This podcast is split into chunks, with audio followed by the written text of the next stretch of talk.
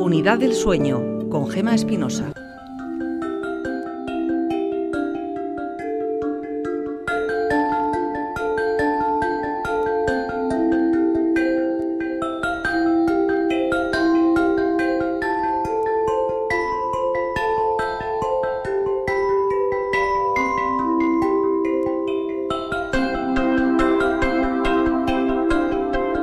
La semana pasada fueron tantas las preguntas que nos hicieron los oyentes en este espacio de la unidad del sueño, que eso demuestra, por una parte, el desconocimiento que tenemos de nuestro descanso, pero también las ganas que tenemos de aprender. Del problema del sueño, de la falta de sueño sobre todo, y está con nosotros Carlos Egea, que es el director de la unidad del sueño en OSI Araba, unidad de referencia para todo Euskadi en las unidades del sueño. Carlos. ¿Cómo estáis? ¿Cómo estás tú? ¿Has dormido bien? Pues he dormido muy bien. Está con nosotros también en los estudios Ainhoa Álvarez, es neurofisióloga senior, es la persona que lleva la consulta de insomnio en esta unidad del sueño. Y espero que hayas dormido bien también. Sí, he dormido bien, he dormido bien. Insomnio, ¿a partir de qué momento puedo considerar que no es simplemente que llevo una temporada que duermo mal, sino que realmente es un problema que va para largo? Pues se considera insomnio crónico cuando tenemos, dormimos mal al menos tres noches a la semana durante tres meses.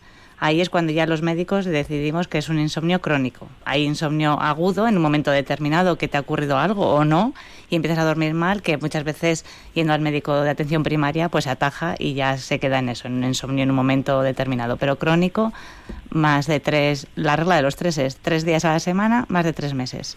Y sin motivo aparente. Y si, bueno, motivo aparente, a veces el insomnio ocurre por un motivo, pero luego eh, no se sabe por qué, o sí, pero pues uno no sabe por qué, el motivo desaparece y el insomnio continúa. Es como si cogiese vida propia eh, y continúa. Y dice, pues ya no tengo ese estrés que tenía cuando empezó esto y en cambio sigo sin dormir. Eh, Carlos, ¿los niños no tienen insomnio? Sí, claro ¿Sí? que sí. De hecho, los niños duermen mal, me da la sensación, pero insomnio. se llama insomnio por malos hábitos, donde entre padres e hijos hacen un círculo que al final genera que ni duermen los padres ni duermen los niños, que si el colecho, que si me tengo que levantar pronto y, el niño no me deja, que si el niño no se duerme, y, y se genera realmente problemas que son fáciles de, de tratar, puesto que es por malos hábitos global, ¿no? Los niños duermen mal, sufren insomnio, por lo tanto no puedo preguntar a qué edad se comienza, sino que puede ser un insomnio durante toda tu vida. Eso, puedes tener insomnio desde la infancia. Es verdad que los niños consultan menos, ¿no? Se parece, o si cuando consultan, pues ya se les pasará, ya, ya dormirán, pero no saben exactamente cuántos años o si alguna vez llegan a dormir. Pero muchos pacientes que vienen a la consulta de insomnio nuestra dicen que ya de niños dormían mal y, y que esto es un problema de toda la vida. O sea, que hay personas que duermen mal toda la vida, el cuerpo, entiendo, se acostumbra. Hombre, sobre todo... A rendir, me refiero, durante el día. Bueno, o, se acostumbra a, Es como el que ha tenido intolerancia al gluten toda la vida y se ha acostumbrado y de repente con 40 años te diagnostican y dicen, oye, pero se podía vivir mejor, ¿no? Es un poquito así, ¿no? O sea, sigues viviendo porque no es una enfermedad que te mate, en el momento por lo menos, pero claro, vives mal. Yo voy a la consulta de la unidad del sueño porque es precisamente lo que queremos que todo el mundo sepa, que esto no es una consulta como tal, la consulta está en la unidad del sueño de cada uno de los hospitales. Sí me gustaría saber qué te pueden decir, cómo le podéis ayudar a una persona desde la unidad del sueño que tiene insomnio. Claro, lo más importante, primero, el insomnio también es como un síntoma, ¿no? Muchos pacientes vienen a la consulta diciendo que duermen mal y luego resulta que no es que tengan insomnio, sino que tienen otra enfermedad del sueño que lo que ellos notan es que no duermen adecuadamente o que sus sueños de mala calidad o despiertan. Entonces, lo primero es diagnosticar bien lo, realmente los pacientes que tienen insomnio u otro problema de sueño. Tenemos eh, una enfermería que está también especializada en insomnio y hacen una entrevista eh, muy exhaustiva de, lo que le ocurre al paciente y eso es una de las principales herramientas diagnósticas para, para saber que el paciente tiene insomnio. Y luego ya lo derivan o, o a la consulta de insomnio más propia mía, o también tenemos eh, psiquiatría que también trabaja con nosotros en el insomnio, que tiene otra consulta que se lleva a los pacientes pues que tienen unas características diferentes y les puede ayudar mejor la psiquiatra, porque trabajamos en, de manera multidisciplinar, todos juntos y es un poco lo bueno de nuestra unidad, ¿no? que no solo somos neurofisiólogos, neumólogos o psiquiatras, sino que somos expertos en sueño que intentamos ayudar al paciente desde todos los ámbitos. ¿no? Tu trabajo en concreto, neurofisiología, es eh, conocer conocer eh, cuál es la actividad cerebral eh, eléctrica. Eso. Se llama así, el, cerebro. Eso, en principio la formación es saber cómo funcionan el cerebro y, los nervios, ¿no? los neurofisiólogos.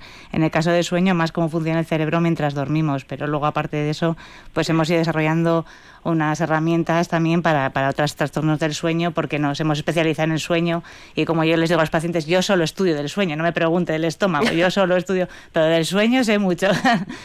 y presentado más o menos eh, el tema, para que todos ustedes lo sepan, Susana Armentia, nuestra compañera, entramos ya en debate en la tertulia. No sé, se me estaba ocurriendo, claro, cuando yo no puedo dormir, ¿qué hago? Hay veces que pienso, ¿me quedo en la cama y aguanto y aguanto y aguanto, Susana, o me levanto? No sé si a ti te pasa lo mismo. No, yo, gracias a Dios, no, tengo problemas para dormir. Pero en alguna ocasión te ha pasado, ¿no? Sí, sí me ha pasado y es evidente, yo creo que con el calor y el incremento de las horas de luz también es más eh, complicado conciliar el sueño. Yo no sé si en esta época del año efectivamente cuesta más eh, dormirse. Pues sí, la, temperatura es una de, de las cosas que más alteran el sueño, porque el sueño está regulado sobre todo por la luz y por la temperatura. Necesitamos oscuridad y bajada de temperatura para empezar a dormir, ¿no? porque las noches hay menos temperatura que durante el día.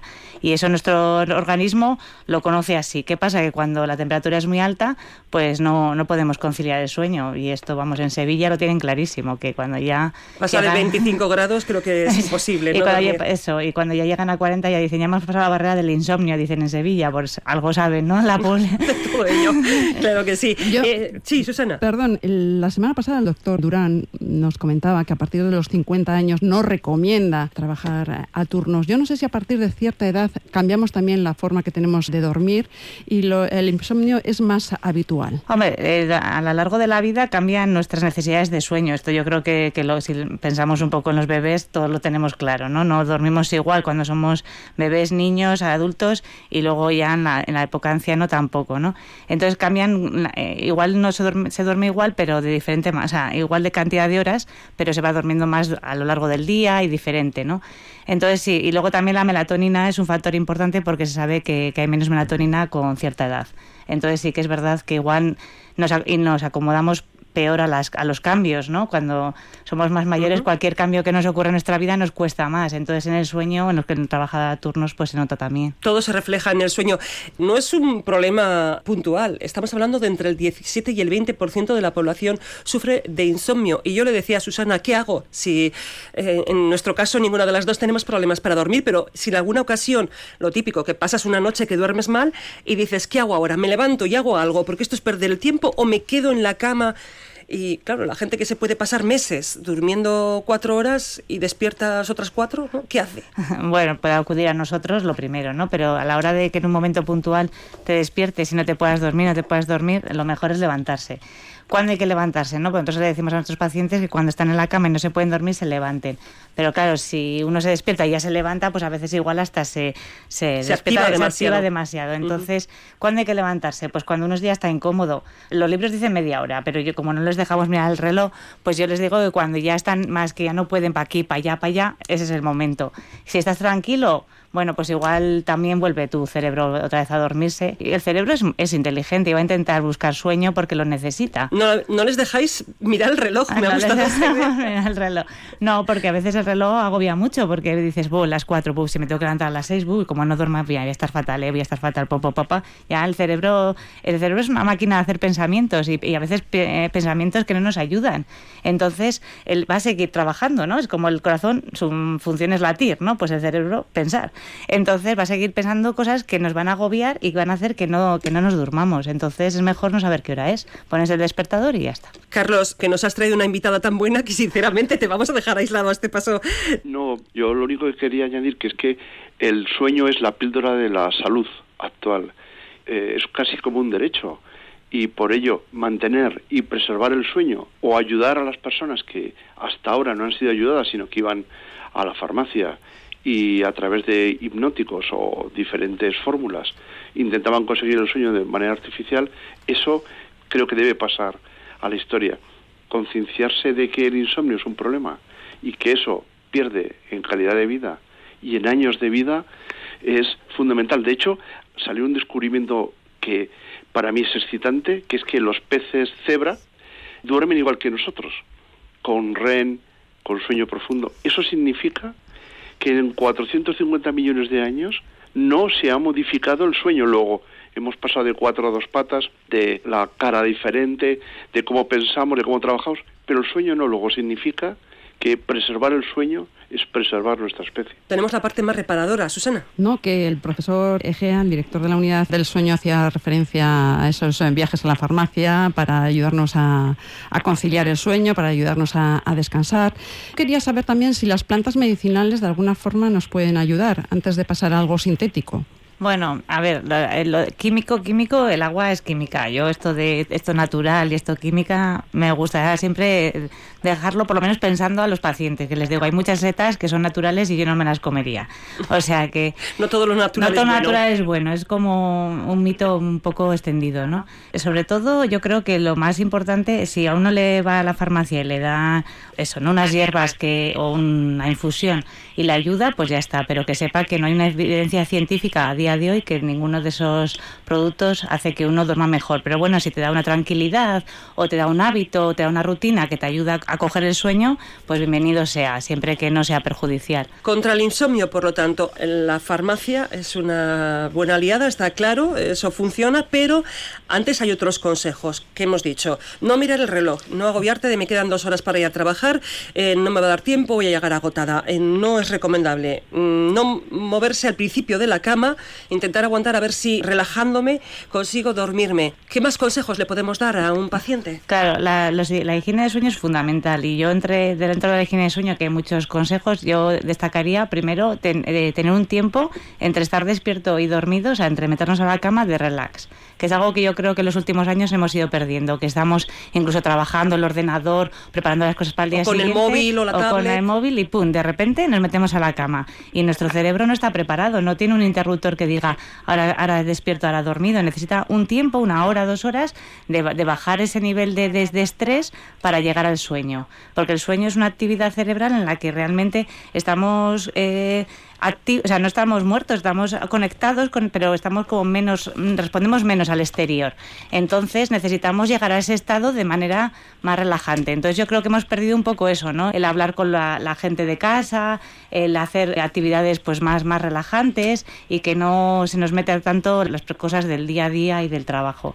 Esa sería una. Otro, por supuesto, bebida, que eso lo creo que lo hacen bastante los que duermen mal, pues intentar no tomar bebidas excitantes con cafeína, vamos, ni siquiera sí, té. Eso, eso, casi es de lógica, ¿no? Eso es de lógica, pero bueno, a vez en cuando te encuentras alguno que a pesar de dormir mal se toma pues un café a las 7 de la tarde. Y luego muy importante también que los horarios de levantarnos de la cama no sean muy dispares entre, entre semana y fin de semana, que eso también es una cosa muy complicada porque muchas veces nos levantamos a las 6 para trabajar y el fin de semana a las 10, entonces son cuatro horas, estamos viajando todos los fines de semana. Todos los fines de semana cambiamos de horario, eso no es bueno, pero tampoco si me levanto a las 5 de la mañana en tres semanas no me voy a levantar el fin de semana a las 5. Bueno, pero por ejemplo a las 7 o 7 y media igual es una hora prudente que uno puede ir a dar un paseo. Bueno, por lo tanto, me ha gustado la palabra higiene del sueño. Es eh, importante dejar los aparatos con luces, con actividad, con eh, trabajo, nada eso aparte, relajarte antes de entrar, no tomar café, eh, quedarte en la cama un ratito y aguantar a ver si cogemos una pequeña disciplina, vamos a decir, del sueño, de Sí. Meterte a la misma hora, levantarte a la misma,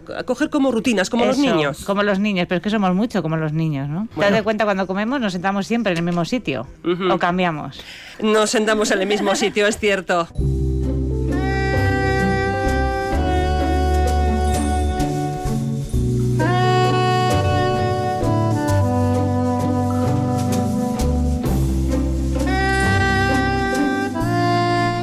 Bueno, tenemos, creo que Susana, Carolina, por ahí unas cuantas preguntas. Eso sí, vamos a dar preferencia a las que tienen que ver con el insomnio, puesto que tenemos a la especialista aquí de la unidad del sueño y Carlos Egea puede ir también eh, respondiendo a todas las preguntas eh, de otros temas que están llegando. Carolina, ¿qué nos preguntan sobre el insomnio? Carolina está pendiente de otras cosas ahora mismo, pero Estás tú, no te importa. comento que eh, esto es una pregunta más para, para Carlos, quizás para el director de la unidad del sueño. Una oyente nos comenta qué porcentaje de personas tratadas en esa unidad han conseguido un resultado positivo. Jo, casi lo puede decir mejor Ainhoa, pero que yo, en los números que tenemos, es que una gran mayoría han, han mejorado, o sea, en su rumbo, en su barco de insomnio crónico y que algunos llevan casi 10 años, la mayoría han mejorado. Claro, eh, la, lo que es el insomnio como tal, que es una domesticación de tu vida personal y del sueño, a veces cuesta muchísimo porque no es pastillas o cambios de conducta, cambios personales que implican muchas cosas que previamente no se han hecho. Levantarse pues si estás en la cama, como decía Ainhoa, ¿no? que es nuestro valor ahí en insomnio. No sé si quieres añadir alguna cosa más. Pues sí, eso, que la, una de las terapias que más utilizamos y más en los últimos años es la terapia cognitivo-conductual, que es una terapia muy dura para el paciente porque tiene que poner mucho de su parte.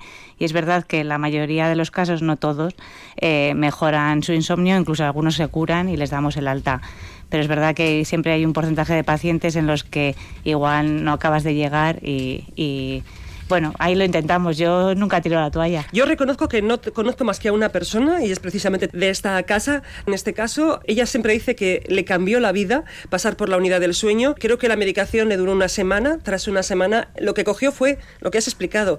esos hábitos que permiten, bueno, pues que el cuerpo se acostumbre a que a tal hora hay que dormir, ¿no? Sí, pasa que no son cambios fáciles porque al final eh, somos personas de rutinas, aunque pensemos que no, y los tenemos muy interiorizados y luego eh, cambiar toda nuestra percepción del sueño y de cómo dormimos y de lo que hacemos, a veces no es fácil. Tenemos que tener eh, dos cosas. Primero, una mente abierta para intentar eh, eh, confiar en nosotros, porque a veces al principio hasta em, empeoran y entonces dicen, jo, pero si estoy haciendo un esfuerzo grandísimo y duermo peor, pero esta está loca, ¿no? Yo siempre les digo, diréis, la, la doctora está loca. Pero no, pero nosotros sabemos que eso funciona e insistimos, ¿no? Y si ellos confían en nosotros y se dejan ayudar, pues mejorarán. Hombre, si vas ya diciendo, es que esto no va a funcionar, seguro que no funciona. Eso, sobre todo porque tienen que poner mucho de su parte, ¿no? Y, y eso, y luego pues tener mucha, mucha mucha disciplina y a veces y te está en el momento, porque a veces hay momentos en la vida que igual no estás para cambios. Y igual tienes que esperar un tiempo, tomar algo para mientras tanto y luego ya llegará el momento de, ¿no? Porque hay veces que pues por tu vida ha ingresado un familiar, pues no es el momento de cambiar tus rutinas. Claro. Más preguntas, Susana, sobre el insomnio. Bueno, yo voy a aprovechar mi situación de privilegio. A ver. Y voy a preguntar sobre la siesta. ¿Echarnos eh, esa siesta eh, provoca después eh, insomnio o al revés? ¿Tiene efectos beneficiosos? A ver, nosotros estamos programados para echar la siesta. El ser humano está programado para echar la siesta, pero siestas cortas. ¿Programado para echar la siesta? Sí, porque ¿No es aquello de eso es una costumbre española que el resto del mundo no, conoce? No, no, que va. Los japoneses todos le hacen así, como se agachan un poquito la cabeza y duermen 10 minutos. Perdona, eso no es echar la siesta en mi casa, al menos hay que tumbarse, que sea en el sofá, eso no es la siesta en mi pueblo. La siesta tiene que ser menos de media hora siempre, menos de media hora, y si es posible, menos de 20 minutos. Eh, claro, eh, dices, eh, ¿tengo que echar la siesta? No, a ver, estamos hablando sobre todo en pacientes de insomnio, yo prefiero que la siesta sea muy, muy corta. Si uno no tiene problemas de, insomnio, pues bueno, y, y, le apetece y no le influye, si echas una hora de siesta, vas a dormir menos a la noche, aunque no lo notes. Pero bueno, si no te, no te influye para mal, pues haces un poco lo que quieres, ¿no? Pero realmente es mejor que sean cortas. Y sí que dentro de las preguntas, que tenemos un montón y vamos a ir respondiendo poco a poco, hay una, una persona que nos pregunta algo que estoy segura afecta ahora mismo, están van a ver, muy pendientes. Nos dice este oyente muy concreto, ¿cómo vencer el jet lag? Ya. Eh... Ya, ¿no? sí, ya. Es complicado. Eh, bueno, generalmente lo que depende para dónde viajes, si viajas para el oeste o para el este es diferente, ¿no? Es más, te adaptas mejor si viajas hacia el oeste y entonces eh, realmente porque nuestro nosotros no nuestro ciclo de diario no es de 24 horas esto es lo que creemos pero es mentira. Es un poquito más largo por eso cuando nos cambian la hora y nos dan una hora más nos adaptamos mejor. Entonces sí claro si ya te dan más tiempo te adaptas hacia el oeste mejor. Claro por eso es peor cuando te quitan una hora. Eso es peor cuando te quitan una hora porque nuestro sistema interno es más de 24 con algo. Entonces ese con algo pues nos tenemos que readaptar. Para eso tenemos la luz no todos los días para sincronizarnos como con la radio pues con, con el día y entonces, cuando nos da más tiempo, pues nos adaptamos mejor. Entonces, sobre todo, empezar con los horarios cuando vas a viajar, con los que tienes en el sitio, o sea que si te toca ir a la calle, aunque estés muerto, ir a la calle, y si te toca intentar dormir, pues, pues intenta. Luego también hay melatonina, pero la luz hace mucho. ¿Qué hago? ¿Me adapto al horario del país al que voy, sea la hora que sea, o intento al día siguiente dormir un poco más? Yo creo que es mejor adaptarte. Pasarás un día o día y medio mal, pero enseguida te, adaptarás. yo también opino igual que Sí, Carlos. porque acabo de venir del otro lado. No me ¿Del otro lado te refieres al otro lado del Atlántico, no? Del Atlántico, sí. Era un congreso internacional y no me costó adaptarme a la llegada, pero uno o dos días antes de volver empecé a intentar adaptarme al horario que iba... A la vuelta. Y, y eso me hizo que, eh, aunque tuve fue menos impactante y más corto de duración en el tiempo, ¿no? Es que es curioso porque a mí me pasa lo mismo. Cuando voy hacia el oeste, digamos, me cuesta menos, pero al volver a casa, pasó un par de días después, con la edad yo creo que peor todavía, te cuesta más adaptarte, ¿no? Al jet lag. ¿Qué puedo hacer? También nos pasa los eh, sábados y domingos cuando el lunes tenemos que levantarnos a las 6 de la mañana. Sí, es, decir, menudo jet lag del domingo, que te levantas a las 9 o 10 al lunes que te levantas a las 6. El mismo ¿eh? Sí, es cierto. ¿Y qué hago? Mm, claro, has dicho, eh, dos días antes empecé a adaptar el horario a la vuelta a Euskadi. Sí, pero en el caso del domingo al lunes, el jet lag, no me puedo adaptar tan fácil. O, me, levanto el fin de semana a las 7, ¿no? Y si estás de vacaciones es como una pérdida de tiempo. Eh, también, es cierto. Mm, y quieres exprimirlo, ¿no? Bueno, no es una pérdida de tiempo. Si uno se levanta pronto, tiene más, más tiempo para hacer cosas, ¿eh? O sea, pero realmente, si vas a estar de vacaciones un mes, bueno, pues eh, tienes unos días para adaptarte. No hace falta que estés todas las vacaciones a una hora fija, ¿no? Pero realmente si tú tienes que levantarte a las 6 y tu cuerpo te dice que tu horario son las 9 o las 10, pues igual tienes que ir poco a poco adelantando la hora de levantarte hasta que te acostumbres a, no te digo a las 6, pero a las 8, que no haya más de dos horas de diferencia, porque realmente luego es muy costoso y mm, hay muchos pacientes que el día que peor duermen es el domingo, ¿no? Y curiosamente la consulta de insomnio la pasamos el lunes. Ah, Entonces ahí les ves, no, pero esta noche, digo, pero claro, es que de domingo a lunes a veces que, que eso, ¿no? Que encima nos hemos echado una siesta, ya hemos perdido la presión de sueño y, claro, no te entra el sueño hasta las 12 de la noche, que es natural porque ya hemos, nos hemos cogido el ritmo de, de 12 o 1 a 9 y entonces vuelve otra vez a, tu horario, ¿no? En el caso de jet lag sí que la hidratación es importante, ¿no? Sí, sí, pero sobre todo la luz, ¿eh? O sea, yo creo que la luz es el, el punto clave. Si tú te da la luz, vamos, no vamos a segregar melatonina, aunque diga a tu cuerpo, oye, que te toca, porque por hora te toca, pero dices, no, no, no, que tengo luz. O sea, el, el cerebro responde bastante bien a la luz. Entonces, que te dé la luz cuando tú quieres estar, estar despierto y que no te dé la luz cuando tú quieres dormir. Susana, ¿te acuerdas que el doctor Joaquín Durán decía, eh, cuando trabajas de noche, sales por la mañana y conviene ponerte las gafas, aunque sea gafas de sol, aunque sea invierno? Pues nada, vamos a tener que meter en la maleta los antifaces. sí, por ejemplo, claramente. Más preguntas que tenemos de los oyentes. Nos comentan precisamente al hilo de lo que estamos eh, diciendo. José Rá nos pregunta, ¿qué diferencia hay entre dormir de día o de noche? Porque pienso que dormir de día va contra naturas. Quizás lo que comentaba Ainhoa de que la luz influye mucho. Eso es, pues, pues, estoy de acuerdo con el oyente, va contra natura porque la melatonina se empieza a producir dos horas antes de, que vayamos a dormir y generalmente eh, coincide con la oscuridad porque la oscuridad hace que, que nuestro cerebro se, se active la, la, producción de melatonina, ¿no? Entonces, cuando tú estás trabajando de noche, tu melatonina está alta y está, y está preparado tu cerebro para dormir, no para estar trabajando. La melatonina es lo que nos ayuda a dormir, a ir bajando es la ya el nivel del sueño, ¿no? Es lo que nos hace reducir ya el nivel de actividad. Eso. Hay gente que de noche es muy activa, por eso puede hacer gaupasa. Hay otros que somos más por la mañana. Más preguntas, eh, Susana Carolina. Otra persona nos dice dos preguntas si es posible. Persona con alta capacidad tiene muchos problemas para desactivar su cerebro. ¿Qué debe de hacer? Y por otra parte, ¿se duerme peor en pareja? Pues, eh, Qué buena pregunta. pues mira, la, primera es verdad que, si uno le cuesta mucho y sobre todo, eh, como comentaba Gema, que uno le cuesta, que es más, más vespertino, que le cuesta más dormirse, necesita más tiempo de desconexión. Y entonces pues, lo que tiene que hacer son rutinas que le, que le hagan estar más relajado, que le ayuden, que pues eh, cada uno lo que le guste. Hay gente que escucha música, ver la tele, leer un libro, siempre fuera de la cama muy importante, que la cama se relacione siempre, siempre con dormir, no con hacer otras actividades, la radio fuera de la cama, eh, y pero que te relaje y que y muchas veces es lo que comentaba, que yo creo que se ha perdido un poco también a veces el hablar con la familia o con la pareja, o eso también puede ser una forma de desconexión, no solo hay que meditar, ¿no? O sea, que uno, uno tiene que como que ir bajando su, su nivel de de, de, de arousal, que decimos nosotros, de activación, ¿no?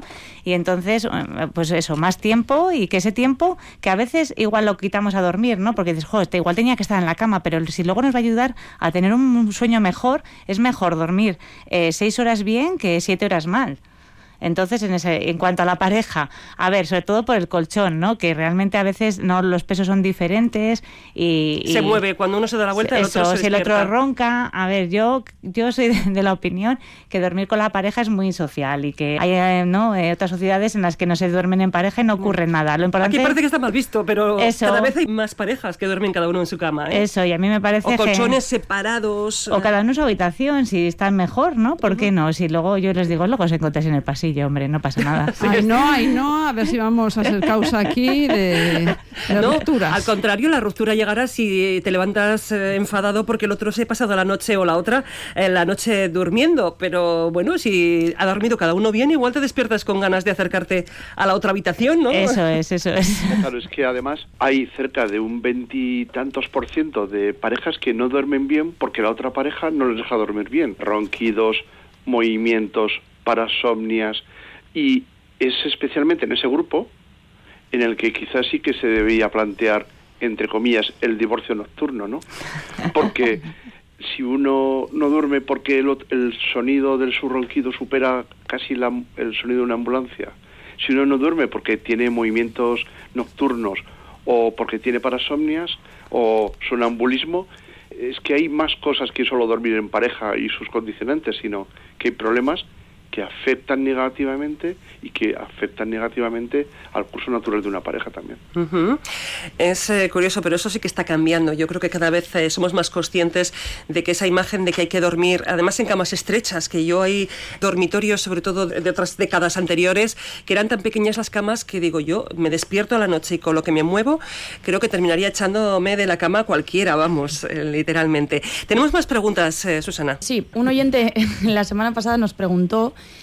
a ver qué importancia tenía dormir de seguido, porque ella se levantaba para ir al servicio, se desvelaba. Entonces, ¿qué eh, importancia tiene dormir? Eso, eso es muy, una pregunta muy, muy interesante, porque realmente también eso es un mito, no dormimos del tirón. O sea, he visto cómo, cómo funciona el cerebro durante muchas, muchas personas durmiendo y en los estudios hechos se ve que nadie duerme del tirón y no se despierta nunca. De hecho, hasta de unas seis veces es normal despertarnos. Pasa que son despertares cortos que no nos acordamos y volvemos a conciliar el sueño. Entonces, despertarse no tiene más importancia, lo que tiene importancia es luego desvelarse y no volver, a dormirse. Pero eso de buscar el dormir del tirón, que es como muy adolescente, es muy complicado y yo creo que no tenemos que obsesionarnos con eso. Si dormimos, aunque nos despertemos un par de veces y vayamos al baño y volvamos y nos volvemos a dormir y luego durante el día estamos bien, nuestro sueño es, es correcto. Sí, con, yo con 20 años ya me acuerdo que no me despertaba, pero cómo cambian las cosas con el tiempo. O sea que no es importante el hecho de, de despertarte. Claro, el problema está si te despiertas y te quedas despierto durante mucho tiempo. Eso, no, no vuelvas a conciliar. Generalmente con la edad lo que ocurre es que esos despertares son más largos, por eso nos acordamos. Entonces ya no es tan seguido. De hecho, en otras, en otras civilizaciones no se dormía de seguido, ¿eh? o sea, esto ha sido de casi de los últimos un par de siglos. En la Edad Media se dormían dos cachos. Primero un cacho, luego se levantaban, comían, dicen que hacían el amor y luego volvían otra vez a dormir. No sé si era el cambio de turno de los, de los soldados o... Me has dejado con la boca abierta. Comer antes de volverte a dormir, una vez que te despiertas, es mucho más difícil. Pero dormían así en dos cachos. Nosotros también y es válido, porque hace un momento antes de empezar esta charla le preguntábamos a Ainhoa si mm, el hecho de la siesta con, computa como tiempo dormido al cabo del día y decías que sí. Sí, sí, sí, por eso todo cuenta, claro que sí. O sea, si tú tienes que coger todo el tiempo que duermes durante el día. O sea, si tú te echas una siesta de dos horas y duermes a la noche cinco, pues estás durmiendo siete. O sea, que sí cuenta. Susana Carolina, ¿qué más te preguntan los oyentes? A ver si el sueño se alteraba cuando tenías la menopausia. Ay, sí, eh, las hormonas de las mujeres. No solo es la edad, también. No solo la edad, sí. Sí, ahí, bueno, eh, durante, durante toda la vida de la mujer, ¿no? También ya eh, creo que hay un programa sobre mujer y sueño que ya se hablará más, pero en, en, el caso de la menopausia hay, hay algunas mujeres que tienen, empiezan con insomnio, sobre todo insomnio de mantenimiento que se añaden a los sofocos y que también a veces ocurren por la noche y, es muy típico. Importante pues que a veces hay soluciones, ahí sí que a veces empleamos un poquito de medicación durante unos meses y luego pueden volver otra vez a las rutinas anteriores, así que yo sé que les animo a consultar porque muchas veces parece que como eres mujer tienes que sufrir el insomnio de la menopausia. Eh, pero va, implícito. Sí, es, parte Llegada a la menopausia, eh, ¿a todo el mundo le ocurre que pierde No, todo el mundo eh, no, pero mucha hay gente que, le, que, tiene insomnio. Como no todo el mundo tiene sofocos, pues no todo el mundo le, afecta igual, pero sí que el cambio hormonal hace que a veces cueste mantener el sueño. Perfecto. Vamos con la última pregunta, compañeras. Dice, ¿cómo afecta el sueño a las personas con enfermedades mentales? Uy, ese es un, es un tema importante porque realmente en todas las personas con demencias, otros problemas o problemas eh, psiquiátricos, el sueño está alterado y ahí sí que ahí les ponemos en manos más de nuestra psiquiatra o de los, la neuróloga también que colabora con nosotros, porque ahí sí que ya la terapia cognitivo-conductual y eso ya es otra otra historia, ¿no? O al necesitar más medicación o, bueno, unos buenos hábitos también, que los abuelos nuestros los tenemos 12 horas en la cama, ¿eh? O sea, por los pobres. Luego dicen que no duermen, pero es que ¿quién duerme 12 horas? O sea, es, yo creo que hay que cambiar un poco también la mentalidad de cómo cuidar a nuestros abuelos y los enfermos con demencia. Es complicado. Otro día dedicaremos precisamente el espacio de este sueño, de la unidad del sueño, a las personas mayores, a esos hábitos, a, bueno, estar en la cama, hasta qué punto estar por estar, claro, rinde como tiempo de descanso o al final te levantas con los huesos tan doloridos que no es rentable, ¿no? Supongo que os pasa con muchas personas mayores. Eso, lo que pasa que claro, los cuidadores pues muchas veces pues les es cómodo, ¿no? Mientras están en la cama pues no, no está dando guerra, ¿no? Y, y entonces pues sí, o, simplemente se han organizado así y, hay que cambiar un poco el chip, ¿no? De que no tiene que estar tanto tiempo en la cama. Carlos, como decía Ainhoa Álvarez, es muy buena contándolo, ¿eh? Hombre, claro que sí, por eso es el valor en el insomnio. Daros cuenta que ya las unidades de sueño se fragmentan en las áreas de relevancia más importante como la apnea, como el insomnio y como otras cosas, ¿no? y, además es un orgullo que, lo lleve también. Director de la Unidad del Sueño de OSI Araba, que es la unidad de referencia en Euskadi de esas unidades del sueño. Ainhoa Álvarez, neurofisióloga senior, lleva la consulta de insomnio en la Unidad del Sueño de OSI Araba. Ainhoa, Carlos, muchísimas gracias. Un saludo. Un saludo.